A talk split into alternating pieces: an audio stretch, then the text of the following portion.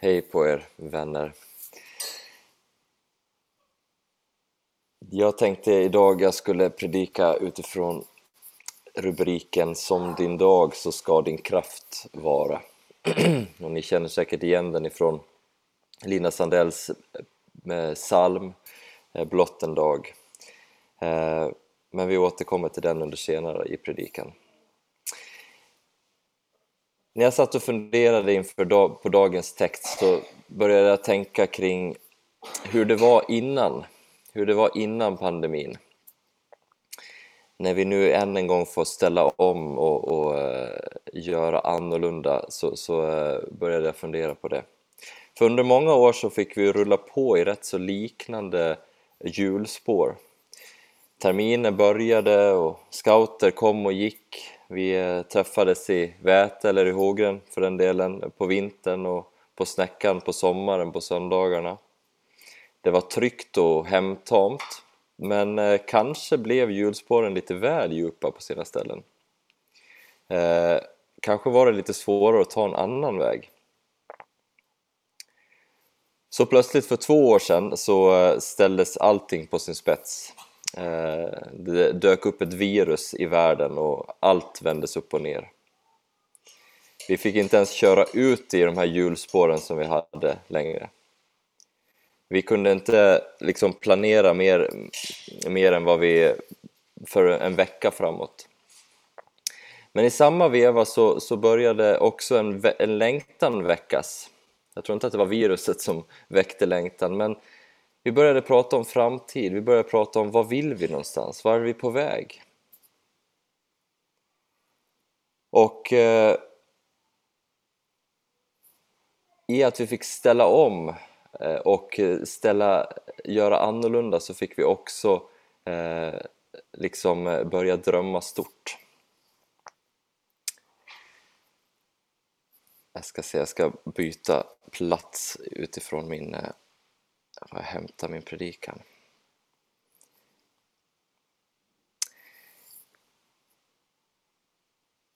Ehm, ett ögonblick så.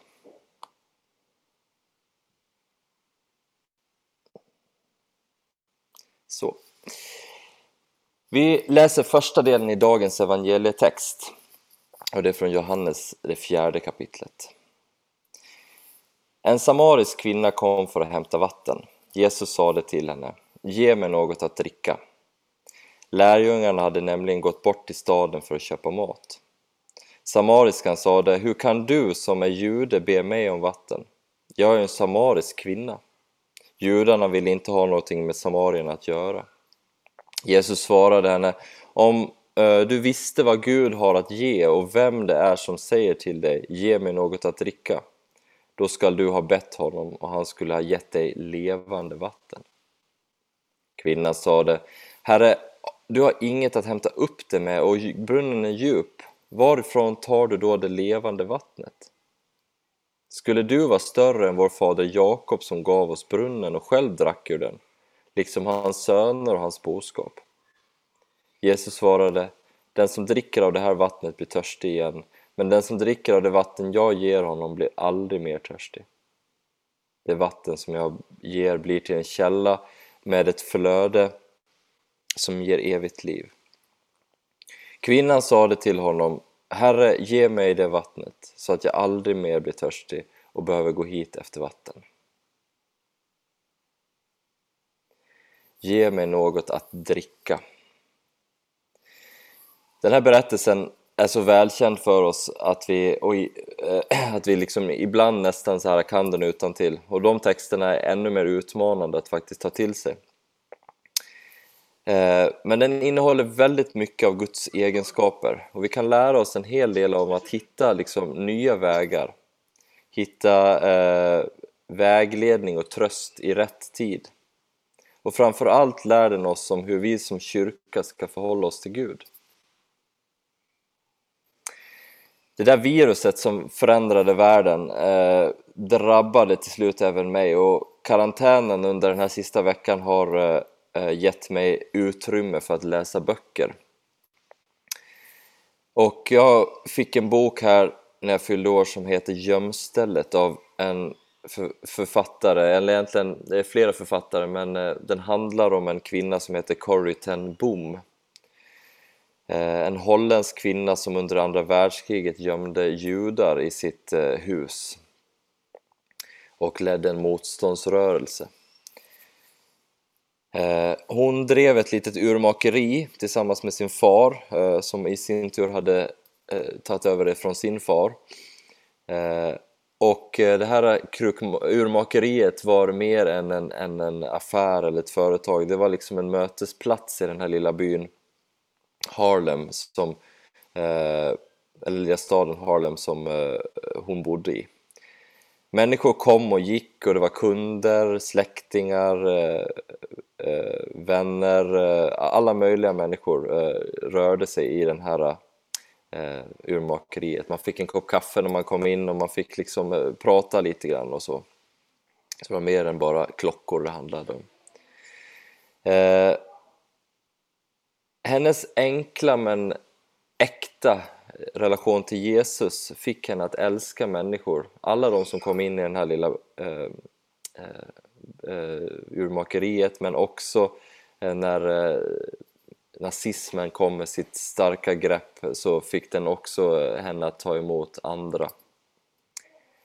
Eh, och när nazismen eh, verkligen splittrade hela eh, människornas eh, relationer så, så enade den här motståndsrörelsen eh, människor oavsett bakgrund.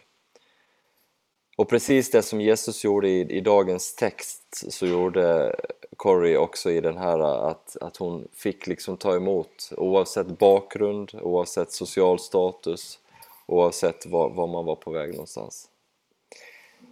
Och i Galaterbrevet så står det så här att nu är ni inte längre jude eller grek, slav eller fri, man eller kvinna, alla är ni ett i Kristus. I eh, mötet med kvinnan vid Sykars brunn så ställer Jesus en enkel fråga. Ge mig något att dricka. Enkelt, men i det sammanhanget så oerhört revolutionerande. Precis som jag sa så gick han emot alla de här kulturella, religiösa och socialt accepterade reglerna.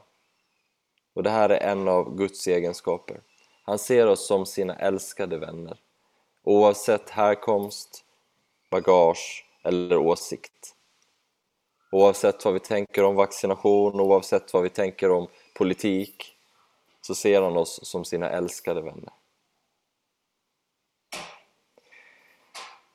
Kvinnan vid brunnen är verkligen i de här djupa hjulspåren. Hon eh, säger så här, men vad, det här vattnet, det här vattnet som, eh, som eh, du pratar om, det är ju här, hur ska du få upp det liksom? Du har ju ingenting att ta upp det med. Så här har vi gjort alltid, så här har vi gjort sedan det här liksom. Och eh, traditionen, religionen och kulturen förskriver att det här är vägen, det är så här vi har gjort, säger hon. Så beskriver Jesus att det finns ett annat vatten. Vattnet som släcker törsten. Vattnet som ger livet ett annat perspektiv. Det som var viktigt är inte viktigt längre. Det är liksom som att hjulspåren inte leder fel, men eh, de finns där. Traditionen, eh, historien är viktiga. Men eh, det är som att det nya vattnet ger ett nytt perspektiv. Det är som att vi får syn på vad som finns vid sidan av vägen. Om solen lyser eller inte. Om eh, vi har några medresenärer på vår väg. Allt är förändrat, men allt är också detsamma. Det är liksom inte vägen det är fel på, det är vart vi fäster blicken. Tillbaka till Corrie i lilla urmakeriet i Holland. Det som framförallt berörde mig i den här boken, eh, inledningsvis i alla fall, var att hur relationen till Gud kunde se ut. Fadern var urmakare och en person som älskade sitt arbete. Och eh, varje vecka så eh, innan kriget bröt ut så reste de till Amsterdam eh, från den här förorten Harlem då för att eh, ställa in klockan mot den klockan på tågstationen så att han skulle ha en klocka som gick helt rätt. Så då gjorde de, checkade de av det varje vecka. Eh, och eh, på det här tåget då så åkte den lilla Corrie då med eh, sin pappa och då satt de och pratade om döden. Hur skulle man förbereda sig för döden? Och då frågar fadern När brukar jag ge dig tågbiljetten? Ja, svarar Corrie Precis innan jag kliver på. Precis, just precis så säger, säger eh, Fadern. Gud kommer ge dig kraft och mod i rätt tid, precis när du behöver det. Och för er som har varit med vid en dödsbädd någon gång kan säkert vittna om det här lugnet, den här friden, den här mod och kraft i rätt tid som Gud ger. Och jag tror att vi alla har exempel på hur Gud har gett, gett oss kraft och eh, mod i rätt tid i vardagliga situationer också. Men den som dricker av det vatten jag ger honom blir aldrig mer törstig. Det vattnet jag ger blir till en källa i honom med ett flöde som ger evigt liv. Källan hjälper oss att lyfta blicken när vi går på livets väg. Källan hjälper oss att se varandra med Guds ögon. Källan ger oss kraft i rätt tid. Vi läser den andra delen av dagens text från den fjärde kapitlet i Johannes, den sextonde versen. Jesus sa, gå och hämta din man. Kvinnan svarade, jag har ingen man. Jesus sa, du har rätt när du säger att du inte har någon man. Fem män har du haft och den du nu har är inte din man. Där talade du sanning. Kvinnan sa, Herre, jag ser att du är en profet. Våra fäder har tillbett Gud på det här berget. Ni säger att platsen där man ska tillbe honom finns i Jerusalem. Jesus svarade, tro mig kvinna, den tid eh, kommer då varken det här berget eller i Jerusalem som ni ska tillbe Fadern. Ni tillber det som ni inte känner till. Vi tillber det vi känner till eftersom frälsningen kommer från judarna. Men den tid kommer, ja den är redan här, då alla sanna Guds tillbedjare ska tillbe Fadern i ande och sanning. Ty så vill Fadern att, vi, att man ska tillbe honom. Gud är ande och det som tillber honom måste tillbe i ande och sanning. Kvinnan sade, jag vet att Messias kommer, alltså den smorde, och när han kommer ska han låta oss veta allt. Jesus sade till henne, det är jag, den som talar till dig. Gud är ande och det som tillber honom måste tillbe i ande och sanning.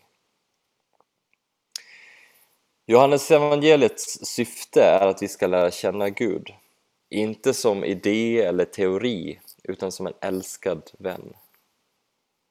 Johannes beskriver sig själv som lärjungen som Jesus älskade.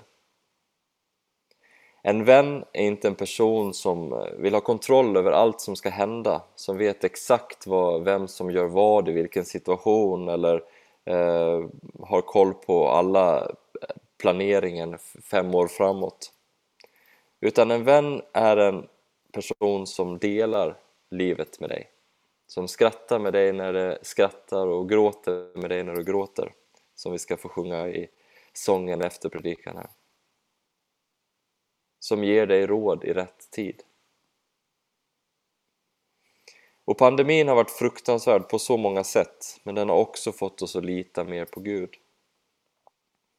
Den har fått oss att uttrycka vår frustration och sorg eh, när människor blir sjuka och till och med dör.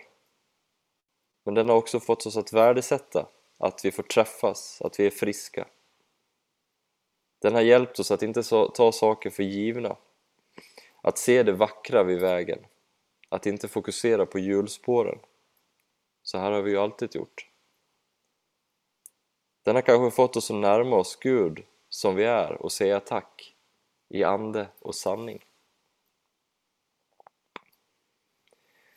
Avslutningsvis så vill jag läsa den psalm som jag hämtade rubriken ifrån, Blott en dag. Och den sammanfattar precis hur det är att leva sitt liv i tillbedjan i ande och sanning. Den sammanfattar att leva just här och nu. Så jag läser den och eh, sen ber vi tillsammans. Blott en dag, ett ögonblick i sänder. Vilken tröst var den som kommer på. Allt ju vilar i min faders händer. Skulle jag som barn väl ängslas då? Han som bär för mig ett faders hjärta. Han ju ger åt varje nyfödd dag. Dess beskärda del av fröjd och smärta. Möda, vila och behag. Själv han är mig alla dagar nära, för var särskild tid med särskild nåd. Varje dags bekymmer vill han bära, han som heter både kraft och råd. Morgondagens omsorg får jag spara, om en oviss syns min vandringsstig. Som din dag så skall din kraft och vara. Detta löfte gav han mig. Hjälp mig då att vila tryggt och stilla, blott vid dina löften, Herre kär. Ej min tro och ej den tröst förspilla, som mig i ordet förvarad är. Hjälp mig, Herre, att vad helst mig händer taga ur din trogna faders hand blott en dag, ett ögonblick i sänder tills jag nått det goda land. Tack Herre för att du förser. Tack för att du ger det vi behöver för, för var dag vi behöver det. Tack för att vi får leva i ande och sanning och att vi eh, får eh, lita på att du vet vägen, Gud. Tack för att eh, vi får mötas på det här sättet och tack för att vi får tro att vi snart får mötas på riktigt, höll jag på att säga igen. Här. Så ber jag Gud att du ska upplysa våra hjärtan, att vi ska få tag i det levande vattnet som hjälper oss att lyfta blicken, som hjälper oss att se din verklighet, som hjälper oss att se hur det ser ut vid sidan av vägen. Så att vi följer vägen mot det goda land, mot evigheten som du har förberett för oss. Det ber vi om i Faderns och Sonens och den heliga Andes namn.